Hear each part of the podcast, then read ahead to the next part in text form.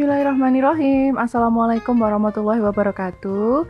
Ibu Inung kembali di sini di Bu Ibu. Apa kabar semuanya? Semoga masih tetap menjalankan protokol kesehatan ya Di tengah-tengah adab kebiasaan baru. Aduh. Soalnya kalau pakai kata new normal Itu kayaknya orang-orang masih banyak yang salah paham dikira COVID-19 itu udah pergi hangus dari muka bumi ini, padahal enggak. Karena ternyata pertambahan jumlah ODP, PDP gitu masih banyak banget. Nah, jadi tolong deh, tolong banget. Protokol kesehatan yang paling utama cuci tangan dengan sabun. Terus kalau mau ke mana-mana pakai masker, ya dijalankan ya.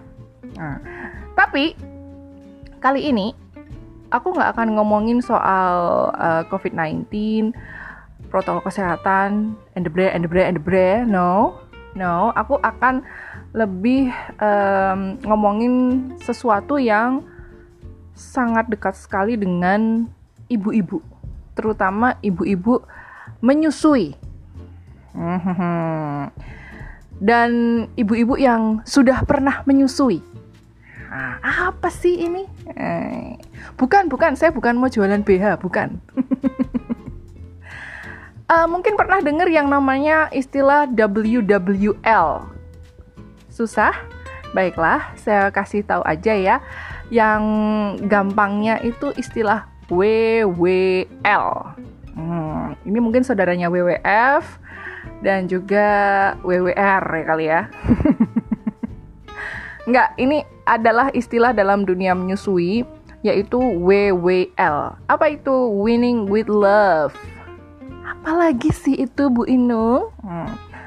Mungkin untuk sebagian uh, sebagian besar ibu-ibu udah pernah dengar ini WWL, winning with love. Artinya itu adalah menyapih dengan cinta. Bukan dengan Rangga atau bukan dengan Mili, ya. menyapih dengan cinta Artinya adalah uh, melakukan penyapihan untuk anak batita. Biasanya kalau anak itu sudah uh, masuk ke usia 2 tahun, biasanya ibu-ibu menyusui itu akan mulai untuk menyapih anaknya supaya tidak uh, menyusu langsung lagi ke payudara ibunya, nggak nenen langsung gitu ya, nggak direct breastfeeding lagi gitu. Karena pertama usia anak segitu itu dinilai sudah apa namanya sudah bisa mandiri dengan melakukan uh, training cup atau minum langsung dengan media minuman ya. Uh, bisa gelas bisa mug bisa cangkir seperti itu. Nah metode WWL ini itu sebenarnya ada dua. Ada dua. Yang pertama disebut dengan natural winning atau yang mungkin lebih dikenal itu dengan sebutan baby led winning. Nah, yang satunya mother led winning. Jadi yang pertama baby led winning, yang satunya adalah mother led winning. Nah, kalau baby led winning itu berarti si anak nih yang jadi uh, pemimpin gitu ya, yang yang nentuin kapan dia sendiri akan bisa lepas dari uh, direct breastfeeding ke ibunya gitu ya. Ini dinilai lebih alami karena ngikutin perkembangan si anak itu gitu loh sesuai usianya. Jadi nggak ada paksaan. Dan baby led weaning ini itu very suggested oh, dari para ahli karena uh, secara psikologis berdampak kepada anak itu dampaknya itu paling ringan gitu loh nggak ada nggak ada traumatized things di saat mereka mau uh, lepas direct breastfeeding dari mamahnya gitu ya. Tapi apakah metode baby led weaning ini bikin anak rewel? Oh, iya. Semua anak yang akan disapih atau dalam proses penyapihan itu tentu akan sangat rewel dan cranky di saat-saat awal. Tapi Beberapa tips juga sudah diberikan oleh beberapa ahli juga bahwa rewel, kemudian nangis, itu bisa dihindari uh, karena di di sorry karena ketika masuk usia batita itu sebetulnya ketergantungan kepada ASI itu sudah semakin berkurang. Makanya kan dianjurkan uh, untuk segera menyapi setelah usia 2 tahun kayak gitu. Nah, sementara untuk mother-led winning sendiri itu adalah berarti ibu yang nentuin kapan waktunya dia bisa menyapi si batita ini gitu loh. Nah, kenapa sih kok ibunya yang nentuin gitu kan? Ya tentunya dari berbagai pertimbangan. Pertama mungkin karena ibunya sudah harus bekerja lagi gitu ya. Mau nggak mau kan harus si anak ini harus bisa mandiri gitu loh. Nggak nggak harus nenen terus ya kan? Nah yang jelas kalau untuk uh, mother led winning ini harus diperhatikan banget faktor kesiapan mental si ibu. Nah ibunya pengen anaknya segera disapi berarti dia harus pertama nges, uh, mempersiapkan mental dulu. Jangan-jangan ketika dia dalam proses menyapi itu dia nggak siap. Misalnya karena an anak karena dengar anaknya nangis terus terus dia jadi aduh gimana ya kasihan nih anak aku nih nangis terus kalau nggak dinenenin. Aduh gimana ya nanti gisinya berkurang kalau nggak dinenenin. Aduh gimana ya kalau aku nggak nenek dia dia nggak bisa tidur tidur gitu. Nah itu kan jadi ada keraguan-raguan gitu loh di dalam dirinya ibu itu sendiri nah itu sebenarnya itu sebenarnya harus segera dihempaskan. ya, karena memang kalau memang si ibu ini harus segera menyapi ya dengan pertimbangan misalnya bekerja atau karena memang dia pengen anaknya segera mandiri itu dia harus siap mental dulu ya kan nah bagaimana supaya si ibu ini juga siap si, siap mental tentunya punya support system yang bagus. Nah, dalam keluarga itu harus ada support system yang bagus. Terutama sekali dari suaminya, ayahnya si anak yang akan disapi itu. Lah, yang mau nyapi kan ibunya, gitu kan? Mungkin ada pertanyaan seperti itu. Kenapa si ayahnya juga ikut ikut ikutan? Pertama ini untuk uh, dukungan ya, dukungan bahwa si anak ini memang dipersiapkan untuk segera mandiri, untuk bisa segera uh, minum dari cangkir atau dari gelas gitu ya, supaya tidak ketergantungan terus dengan direct breastfeeding ke ibunya gitu loh. Jadi si bapak ini juga berperan besar untuk kemajuan si anaknya sendiri kayak gitu. Nah, yang paling utama sih tentunya sebagai comforter apa ya sebutannya mungkin uh, pemberi rasa nyaman gitu ya. Bisa pemberi rasa nyaman ke ibunya, bisa juga memberi rasa nyaman untuk anaknya. Jadi kalau misalnya ibunya udah, aduh gimana sih nih, aku udah usaha banget nih mau nyapihan aku tapi kok anaknya nggak mau-mau ya? Ya mungkin suaminya ya sabar bu sabar jangan marah-marah bu. Atau misalnya sudah bu duduk dulu gitu. Nggak usah ngurusin anakmu yang nggak mau nggak mau disapi itu. Nenenin dulu nggak apa-apa sambil tak bikinin teh gitu. Misalnya itu kan berarti memberikan uh, rasa nyaman ke ibunya gitu ya ke istrinya gitu sementara untuk ke anaknya sendiri gimana kalau si ayah ini harus juga sebagai pemberi rasa nyaman kepada si anak pada saat ibu akan menyapi si anak itu sendiri. Misalnya, si ibu udah kekeh, pokoknya jam segini itu udah nggak boleh nenen. Ya kan? Kalau mungkin frekuensi nenennya kemarin-kemarin masih 10-12 kali dalam sehari, si ibu udah mulai ngasih batasan nih. Sekarang cuma 8 kali. Nah, jam-jam tertentu si ibu udah nggak mau ngasih nenen gitu. Dan ternyata si anak ini rewel gitu kan. Karena dia tahu kebiasaannya jam segitu tuh harus nenen gitu. Nah si ayah ini bisa memberikan uh, support dengan cara memberikan rasa nyaman kepada si anaknya. Misalnya ketika dia rewel yuk nak tak tak gendong dulu ya gitu ya. Kayak Mbah Surep gitu loh. Tak gendong ke mana-mana tak gendong ke mana-mana. Nah gitu. Jadi dijauhkan dulu sementara dari si ibunya ini supaya ada ada pengalih perhatian ya. Ada distraction gitu loh supaya si anak ini nggak fokus aja ke direct breastfeeding ke ibunya kayak gitu. Nah yang jelas si ibu ini juga kalaupun misalnya sudah menentukan mau pakai metode mother led winning ya nggak usah buru-buru banget gitu loh uh, nyantai tapi strict gitu ya udah nyantai tapi tegas gitu bahwa oke okay, yang biasanya sehari semalam itu bisa sampai 10 kali, 12 kali atau misalnya lebih dari itu berarti sekarang udah mulai dikurangin.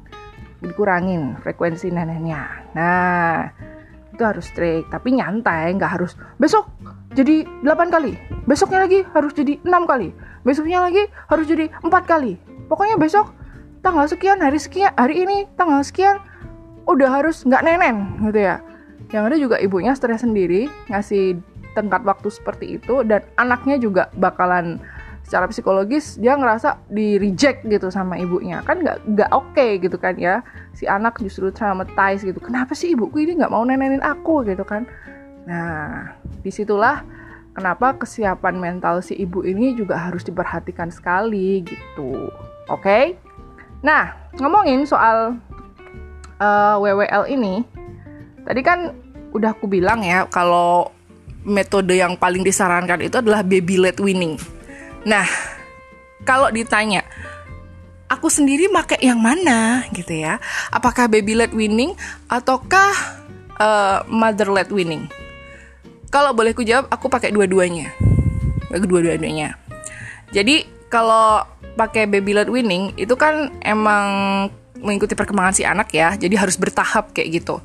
Nah, bertahapnya gimana? Yang pertama ya itu tadi kayak aku kasih contoh tadi mengurangi frekuensi menyusui sampai dengan berhenti total. Ya. Jadi yang biasanya dari pagi sampai malam itu bisa berkali-kali bisa hampir dua atau tiga jam sekali nenenin si Batita ini gitu ya aku manggilnya Batita ya ke bawah tiga tahun karena usianya 2 tahun biasanya kalau anak-anak mulai disapi itu. Nah, itu kita harus bisa ngasih apa namanya? ngasih target ke diri kita sendiri bahwa oke, okay, sekarang mungkin jadi berkurang uh, yang awalnya tiga jam sekali jadi empat jam sekali deh gitu di hari pertama. Mungkin besoknya lagi dicoba lagi jadi lima jam sekali deh gitu. Ya jadi memang di, dikurangi frekuensi nyusuinnya gitu. Jangan malah sering-sering dikekep-kekep gitu. Eh mana nak, nak mau nenen mau nenen gitu. Ya jangan lah namanya juga mau nyapih ya kan? Nah gimana caranya untuk mengurangi frekuensi itu nah di saat waktu-waktu yang biasa kita pakai buat menyusui si batita ini kita bisa ganti dengan um, pemberian snack atau dengan kesibukan bermain Apakah saya sudah melakukan itu? Sudah. Nih, fact check ya. Udah, jadi masuk usia 2 tahun. Uh, Mada itu cuma ngasih pas mau tidur, pas bangun tidur, pas tengah malam waktu ngelilir. Ngelilir itu bisa dari biasanya kan Mada itu um, ngelilir pokoknya biasa eh, sorry sorry. Kita lihat dulu ya jam jam tidurnya Mbak itu biasanya jam 8 malam tuh udah tidur. Dan dia dia itu biasanya bangun sekitar jam 12 malam. Dan jam 3 pagi. Jadi dua kali dia bangun sampai akhirnya dia bangun pagi nah itu biasanya dia minta nenen nah terus dia juga minta nenennya itu abis setiap kali abis mandi dan setiap kali lihat ibunya duduk atau istirahat dari kegiatan urusan rumah tangga. Kayak misalnya aku udah selesai masak terus aku cuma selonjoran aja gitu ya karena kakinya pegel. Udah masak berjam-jam gitu. Nah, begitu dia lihat aku duduk, dia pasti langsung minta gitu loh. Dia tahu bahwa ibunya udah selesai gitu. Nah, tapi itu adalah sebuah sebuah kemajuan dari Mada sendiri bahwa selama aku masak dia udah nggak nggak minta nenek lagi udah nggak ngereka-ngereka minta nenek lagi gitu. Dan begitu aku start buat nyapi aku sudah mempersiapkan beberapa macam snack supaya dia bisa sibuk ngunyah ya daripada sibuk ngenyot snacknya ya kayak biskuit gitu terus misalnya roti-roti basah bread kayak gitu ya terus cemilan-cemilan buah-buahan potong kayak gitu. Terus aku juga mulai uh, menambah porsi makannya dia kayak gitu supaya dia itu lebih kenyang supaya nggak nggak nggak ngerasa lapar dan dan kemudian minta nenek enggak gitu. Nah, kalau disibukkan dengan permainan oh iya sebenarnya dia udah bisa main sendiri gitu ya. Aku tinggal kasih aja misalnya satu box isinya mobil-mobilan semua kayak gitu. Tapi dengan berbagai berbagai model mobil-mobilan dia bisa main sendiri. Itu udah udah udah, udah bisa. Alhamdulillah dia sudah sudah bisa mandiri di situ gitu. Tapi ya itu tadi kayak aku bilang tadi begitu dia lihat aku sudah selesai ngelakuin pekerjaan rumah tangga entah itu aku udah selesai ngepel seluruh rumah, entah itu aku udah uh, selesai masak dan aku hanya duduk di depan TV, ya just for taking a deep breath karena udah lega udah selesai, dia langsung menghampiri aku, duk duk duk duk duk duk duk, yay, waktunya nenen gitu ya. Nah, dia sudah tahu itu bahwa ibunya udah udah selesai, berarti dia udah bisa dong minta waktunya dia buat uh, nenen kayak gitu. Ya but that's okay that's okay gitu. Berarti dia sudah sudah sudah mulai ngerti bahwa tidak setiap saat harus uh, nenen terus ke ibunya kayak gitu. Nah secara bertahap lagi dari baby led winning ini disarankan untuk selalu menghindari proses penyapihan anak itu kalau anak lagi sakit ya lagi bete lagi marah. Ya iyalah. Uh kan kasihan ya kalau lagi sakit terus kita kita malah nggak bisa ngasih rasa nyaman ke dia dengan cara ngasih nenen apa ngasih direct breastfeeding gitu ke dia gitu kan. Justru anak itu akan merasa anak itu akan merasa sangat nyaman ketika dia sakit yaitu dengan uh, skin to skin gitu ke ibunya ya kan gitu. Makanya sangat tidak disarankan kalau anak lagi sakit justru disapih. No don't do that gitu kan. Saya juga nggak nggak nggak tega kalau kayak gitu gitu ya. Terus uh, ketika kita nyapih disarankan sekali supaya tidak pernah mengalihkan perhatian dia dari direct breastfeeding itu ke bentuk kenyotan yang lain seperti misalnya empeng atau dot atau ujung bantal misalnya atau mainan kenyot-kenyot kayak gitu. No no no no no no. Apalagi untuk dot nih ini. Ini aku juga aku nggak pernah. Keempat anakku ketika aku menyapih itu aku nggak pernah kepikiran buat ya udahlah diganti aja minum pakai dot gitu. No I'm a big no bah meskipun ada yang bilang udahlah diganti aja pakai dot biar dia nggak rewel kayak gitu no aku punya alasan tersendiri gitu ya karena nanti ketika dia sudah mulai nyaman dengan dotnya ya kan tidur harus ngedot, main harus bawa dot ke mana-mana. Oh no no no no no, it's not so so me gitu ya. Bukan aku banget gitu. Jadi itu akan menambah pekerjaan kita nanti gitu sebagai ibu kita akan nyapi dua kali. Pertama nyapi dari payudara, yang kedua nyapi dot dan nyapi dot itu ah, itu susah. Aku nggak ngalamin, tapi yang jelas dari banyak teman-temanku yang melakukan uh, penyapihan dot mereka selalu mengeluh ah tuh anakku udah umur sekian masih ngedot aja. Aku gimana caranya ngasih taunya? Kayak gitu. Jadi aku nggak mau kayak mereka. Gitu ya. So kalau udah aku sapi dari direct breastfeeding ya udah. Kamu minum pakai cangkir dong gitu kan. Kamu minum pakai gelas gitu kan kalau perlu kita beliin gelas yang lucu-lucu, yang kecil-kecil, yang kecil sesuai dengan tangannya, sesuai dengan ukuran mulutnya kayak gitu. Biar dia juga tertarik untuk minum dari situ gitu.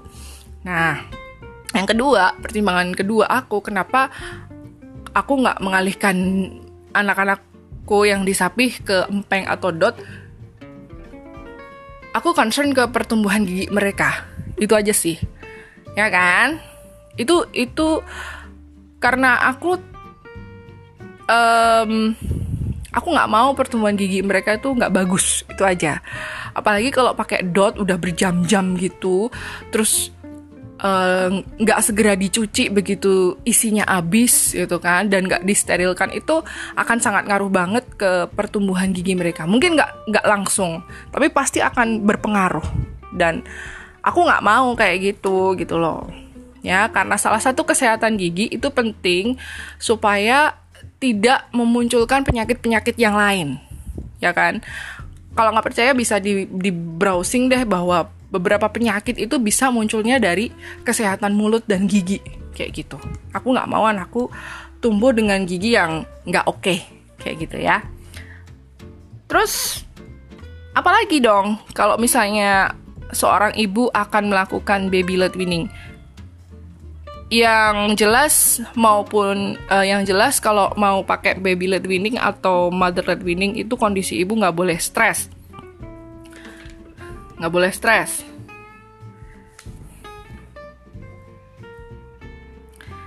Um, karena memang ini termasuk pekerjaan ekstra ya dari yang hari-hari biasa buat distracting dia itu terutama ya kan? Kita harus benar-benar bisa harus kreatif nih ya. Kalau misalnya lagi mau nyapi itu harus kreatif gitu ya.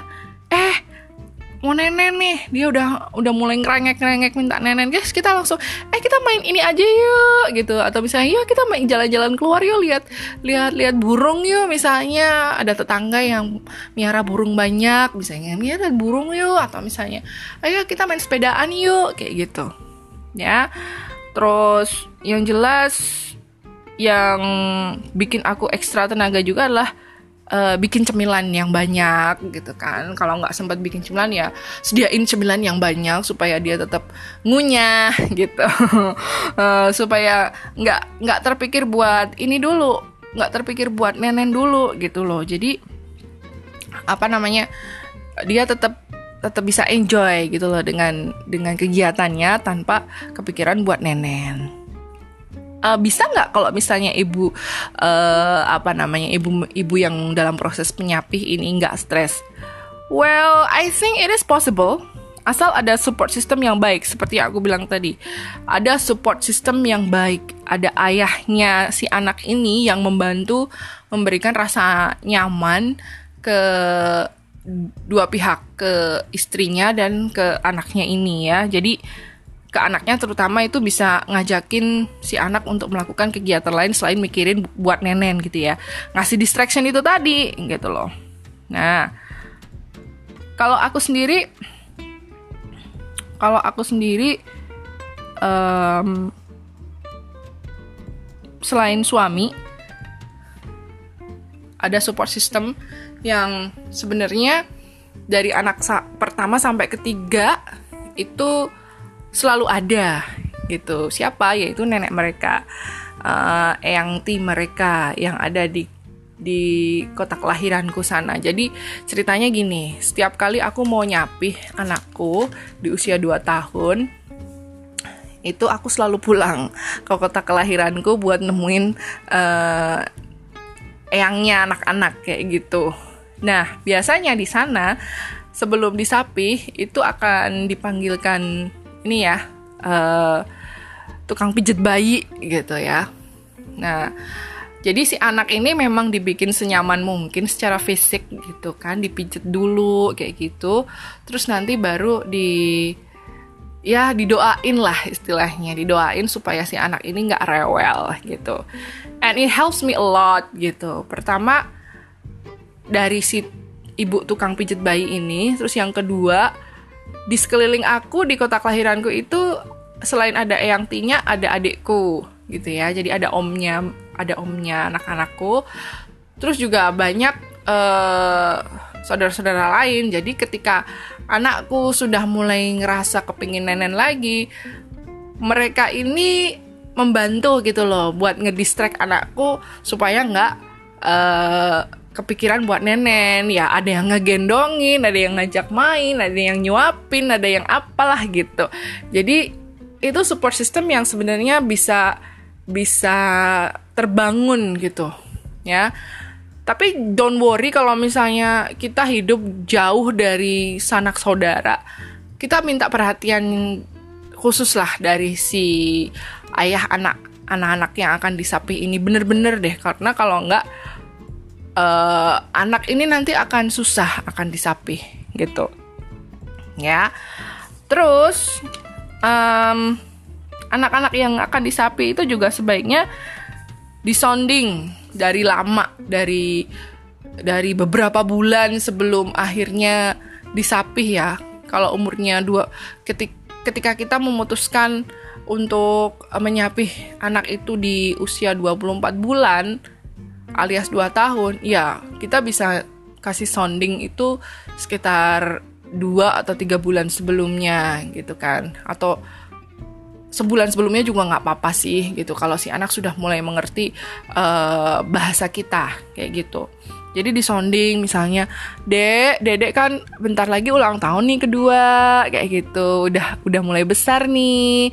Nanti udah nggak nenen lagi ya. Nanti kalau udah habis tiup lilin, nanti minumnya minum cang pakai cangkir ya, gitu. Nanti dibeliin deh sama ibu, misalnya kayak gitu. Ya di sounding berulang-ulang kali, berulang-ulang kali, kayak gitu. Berulang-ulang kali. Apakah itu uh, berhasil ke saya? Um, udah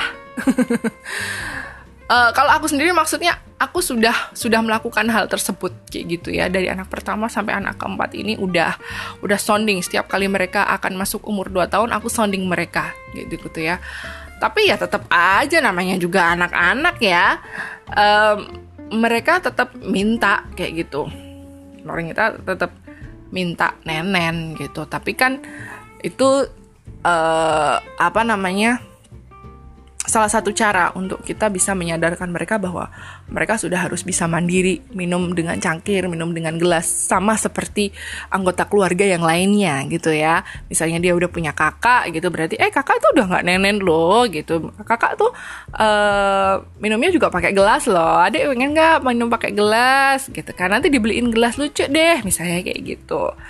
Nah, um, selain sounding juga tentunya kita nggak lupa buat um, training cup ya maksudnya ngajarin membiasakan si anak yang akan disapih ini untuk um, minum langsung dari media minuman seperti cangkir atau gelas atau mug atau sipping cup kayak gitu. Jadi dia juga terbiasa mulutnya gitu ya, yang terbiasa mengisap pay, uh, payudara dia mulai terbiasa dengan bibirnya bersentuhan dengan bibir gelas itu tadi itu tadi gitu. Supaya dia nggak kaget ketika dia disapi tapi nggak nggak dikasih tahu caranya nggak dibiasain dari lama ya dia nanti akan akan rewel gitu dengan dalam waktu yang lama kayak gitu. Nah kalau untuk Mada sendiri gimana? Untuk Mada sendiri aku udah ngajarin itu malah malah Manda udah bisa sendiri kalau nggak salah. Itu sekitar dari umur 20 bulan kalau nggak salah itu udah mulai udah mulai bisa udah mulai bisa lepas si pickup. Jadi dia udah mulai bisa minum sedikit-sedikit dari gelas biasa kayak gitu. So uh, aku nggak terlalu khawatir banget sih untuk untuk Mada kayak gitu. Nah itu tadi untuk cara-cara bertahap dari yang baby led weaning. Nah, kalau mother led weaning gimana? Seperti yang bilang tadi, harus siap mental. Jangan lupa uh, ada support system ya dari ayah si anak tadi dan kalau memang di sekeliling kita ada uh, keluarga yang bisa membantu misalnya eyangnya gitu ya nah itu bisa bisa banget gitu yang jelas kalau anak rewel kalau di metode mother led winning ini jangan sekalipun menawarkan asi ke anak yang lagi nangis atau rewel gitu. Kan kan mother led winning jadi kita yang nentuin mau ngasih mau ngasih nenek atau enggak. Kalau emang kalau emang kita udah udah udah yakin bahwa kita yang nentuin ya ya jangan yang jangan nah aduh kamu nangis ya sini tak nenenin ah, enggak kayak gitu juga kali gitu kan ya. Dan uh, fakta yang yang aku lakuin uh, recently aku nggak nawarin. Aku nggak nawarin nenen ke Mada kalau misalnya dia lagi rewel dalam proses penyapihan itu. Ya dia yang tambah marah gitu kan. Faktanya dia memang tambah marah dia nggak berhenti nangis kalau nggak dinenenin gitu ya.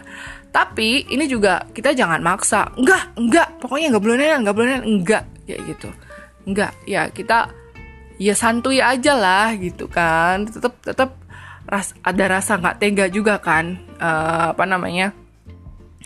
Ada rasa nggak tega juga ngebiarin anak nangis terus kayak gitu kan. Tentunya pasti kita kasih meskipun meskipun jumlahnya sedikit. Kalau yang aku rasain kemarin dia memang tambah marah tapi ketika aku nggak kasih nenen. Tapi ketika dia sudah nenen itu hanya sebagai pereda kemarahannya aja. Jadi dia hanya butuh sedikit comforter aja gitu loh, butuh rasa nyaman aja dan itu nggak lama. Jadi durasi nenennya itu kalau Mada itu justru berkurang durasinya. Jadi yang biasanya mungkin sekali nenen itu bisa sampai 15 menit, 20 menit kayak gitu. Nah, ini durasinya itu sangat ber berkurang banyak sekali. Ya, jadi jadi kayak kayak kayak hanya ingin mengobati rasa penasarannya aja kayak gitu loh. Jadi durasinya itu bisa hanya 10 menit atau kadang hanya ah paling cuma 5 menit doang. Udah, habis itu dia main lagi. Gitu. Nah, yang aku lakuin juga dalam mother led wedding adalah tidak menyediakan botol dot, tidak menyediakan dot karena seperti yang aku bilang tadi, aku nggak mau uh, nantinya aku harus nyapih dia dari dot dan yang kedua aku nggak mau pertumbuhan giginya itu nggak bagus. Nah, ada satu hal yang sangat disarankan oleh ahli dalam metode mother led winning ini, yaitu tolong ya jangan mengoleskan apa pun ke payudara yang sifatnya mengintimidasi anak dengan tujuan supaya tidak menyusu. Nah, nah ini nih, ini nih. Ini yang mau aku ceritain. Kenapa aku memilih natural winning atau baby led winning dan mother led winning. Jadi aku memang nge-mix dua-duanya gitu kan. Nggak bisa cuma satu doang. Aku memang uh, melakukan ini. Jadi kalau yang tadi dibilang jangan mengoleskan apa pun di payudara, aku justru melakukannya. But it helps. It helped, ya. Apa yang aku oleskan? Um, nanti, nanti aku akan cerita. Yang jelas dari beberapa cerita-cerita dari teman-temanku yang pernah menyusui, mereka mempunyai metode ini nyoretin payudaranya pakai lipstick jadi merah-merah gitu terus pura-pura sakit gitu. Jadi ketika si anak minta nenen tuh ini oh neneknya ibu sakit neneknya mama lagi sakit nih merah-merah nih kayak gitu kan.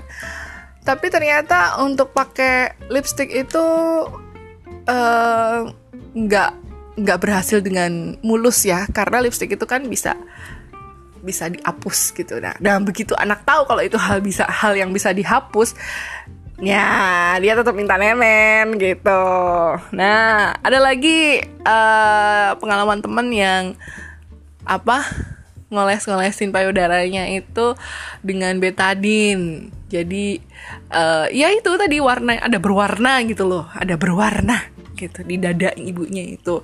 Terus pakai spidol juga ada. ya macam-macam ya ibu. Uh, cara ibu itu untuk bisa membuat anaknya nggak nenen lagi gitu kan. Nah, tujuannya apa sih? Tujuannya ya sebenarnya supaya anaknya tuh males deket-deket sama nenek ibunya supaya takut gitu ya, mengintimidasi gitu ya. Nah, ada lagi yang nggak pakai spidol, nggak pakai lipstick, nggak pakai uh, betadine, tapi pakainya kunyit. Nah, kunyit ini kenapa mereka pilih kunyit? Karena dirasa itu adalah rempah-rempah yang yang aman juga kalau misalnya masuk ke mulut kayak gitu kan. Um, dan warnanya tentu kuning gitu. Anak-anak kan mungkin bingung ya begitu dibuka gitu. Dia minta nenen begitu dibuka loh kok neneknya kuning? Kayak gitu ya. Apakah itu rasa jeruk? Oh tentu tidak. Ternyata rasa kunyit gitu oh tapi ternyata untuk urusan kunyit ini juga masih masih belum begitu berhasil karena kunyit itu sebenarnya salah satu rempah yang bisa friendly rasanya ke anak-anak kayak gitu. Jadi anak-anak tuh nggak terlalu nggak terlalu takut untuk merasakan kunyit, ya kan? Nah, kalau aku sendiri gimana? Ngolesin apa sih aku di payudaraku dulu? aku ngolesin dengan parutan uh, temu ireng. Wah, apa sih tuh temu ireng? Silakan di browsing sendiri. Temu ireng itu apa? Dan kenapa harus diparut? Apakah warnanya juga hitam? Tidak. Saya pikir juga waktu itu ketika disarankan si ibu tukang pijat bayi yang nanganin tiga anakku sebelumnya untuk disapi aku pikir juga nanti bakalan item-item dong gitu kan. Temu ireng kan temu item. Ireng, ireng itu item ya. Nah uh, nanti item-item dong gitu kan. Enggak enggak ada warnanya kayak gitu. Enggak ada warnanya. Tenang aja jadi diparut aja. Nanti parutannya diolesin aja ke payudara sama ke putingnya kayak gitu. Nanti kalau dia dia minta kasih aja nggak apa-apa gitu kan. Nggak nggak nggak nggak ada warnanya kok. Cuma memang dirasa itu nggak enak. Nggak enak banget nah Oh, oh, akhirnya aku ikutin juga dan memang sih nggak ada tampilan apa-apa gitu kan. Tapi ketika diisep putingnya tuh ternyata rasanya pahit dan anak tuh nggak mau gitu loh. Anakku yang pertama, yang kedua, yang ketiga itu pakai itu, pakai parutan temu ireng gitu. Mereka minta gitu, tetap ketika mereka rewel mereka tetap minta nenen dan aku sendiri juga ngasih gitu, pengen lihat reaksinya kayak apa dan ternyata memang Abis itu mereka nggak mau gitu kan. Tapi ketika mereka rewel lagi, mereka masih minta lagi dan aku kasih lagi. Ketika mereka baru istilahnya apa masukin putingnya puting ke mulutnya itu udah blek kayak gitu. dan akhirnya nggak mau nggak mau nenen sama sekali karena dia tahu bahwa asinya udah nggak enak neneknya udah nggak enak neneknya ibu udah nggak enak kayak gitu. Nah kalau Mada ini karena aku lagi jauh dari kota kelahiranku ya nggak bisa ke sana untuk ritual penyapihan uh, akhirnya aku bingung di sini di tempatku sekarang itu nggak ada nggak ada yang jual temu ireng gitu. Susah. Akhirnya aku minta tolong sama tukang sayur yang biasa aku langganan gitu. Bu, pakai broto wali aja bu. Dia menyarankan seperti itu. Broto wali kan juga pahit. Iya juga sih pak. Aku kayak gitu kan.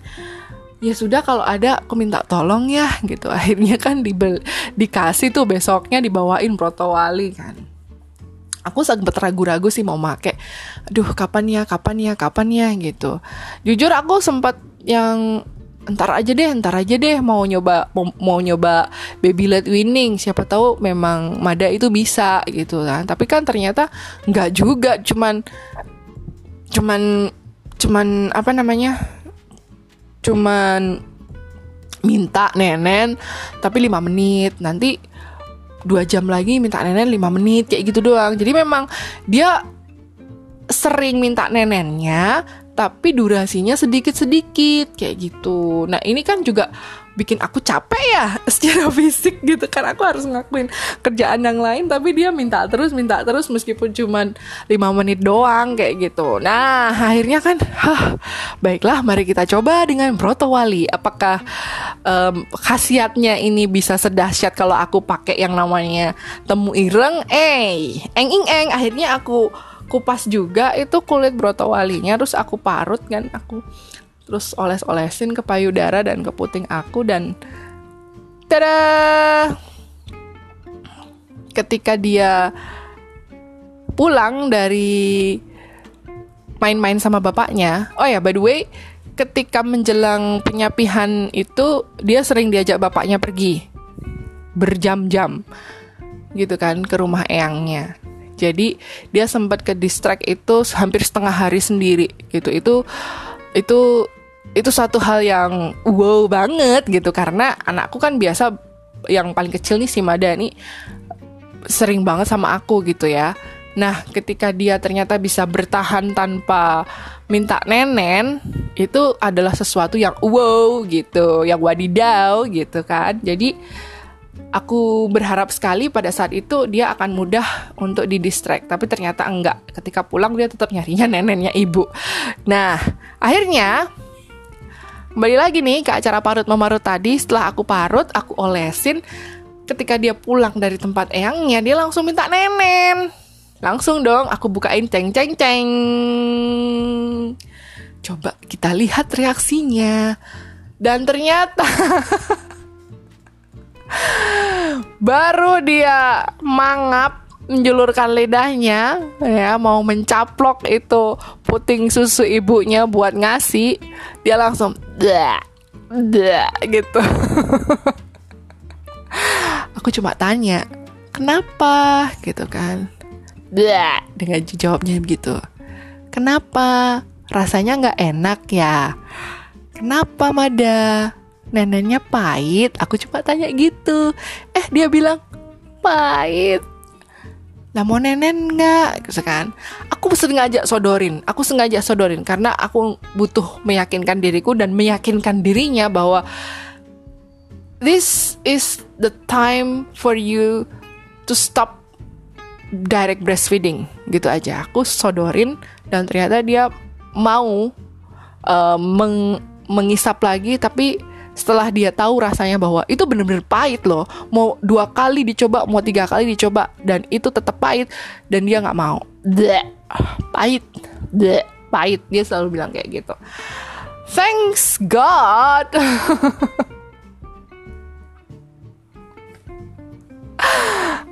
I'm happy, jujur aja pada saat itu gitu. Oh yeah, ternyata dengan broto wali pun bisa gitu, gak harus nunggu temu ireng jadi gitu kan. Dan sampai malam ketika dia minta nenen pun uh, aku sodorin, aku tetap buka bajuku, aku sodorin. Tapi ketika dia rasain lagi pahit, dia udah gak mau. Ketika malam-malam dia ngilir, aku sodorin dia udah gak mau gitu kan Oh yes, alhamdulillah. Jadi cukup sehari aja gitu kan. Cukup semalaman aja dia eh, dengan proses seperti itu. Apakah ini termasuk pemaksaan? Well, kalau memang kita mengaju ke baby led winning, iya bisa dibilang seperti itu. Tapi karena tapi aku punya alasan tersendiri kenapa bisa seperti itu. Karena pertama, aku kepengen anakku juga segera mandiri. Kedua, aku ingin ngasih uh, pola yang berbeda dalam keseharian dia yang biasanya nenen kemudian tidur, nenen tidur, makan, main, nenen main, nenen lagi dan sebagainya. Itu aku ingin segera hilangkan itu. Kayak gitu. Jadi um, aku merasa ini sah-sah aja aku lakukan gitu karena memang aku memang merasa aku harus berperan ambil peran ini gitu supaya anakku juga nggak terlanjur uh, breast direct breastfeeding itu terlalu lama. Seperti anakku yang kedua, kedua ya si Fahmi itu dia direct breastfeeding itu sampai umur dua setengah tahun. Nah, dan aku nggak mau seperti itu aku kepengen di dua tahun ya udah ya udah stop kayak gitu kalaupun mau lebih lebih ya paling lebihnya ya sebulan atau dua bulan dan Mada ini uh, masuk penyapihan itu hampir hampir masuk di usia 26 bulan. Nah, so I'm really thankful untuk kerjasamanya, terutama dari suamiku juga. Uh, selama proses apa penyapihan ini gitu kan. Dia distraksinya ya diajak ke mana-mana diajak ke ayah ke tempat eyangnya gitu. Jadi aku bisa bisa concern dengan aku sendiri dan si anak ini tidak melulu memikirkan uh, direct breastfeeding sama ibunya gitu. Apakah akan ada yang mencoba? Semoga saja bisa menjadi inspirasi. Tapi tentunya kembali lagi ke masing-masing ibu ya gitu tadi mau mau pakai metode yang mana dan tentunya disesuaikan dengan kondisi situasi yang sedang dihadapi begitu. Nah, apa yang terjadi setelah pada ini disapi? Nanti tungguin aja bakalan ada podcast berikutnya tentang WWL Winning with Leletan Parutan Brotowali. Bye bye.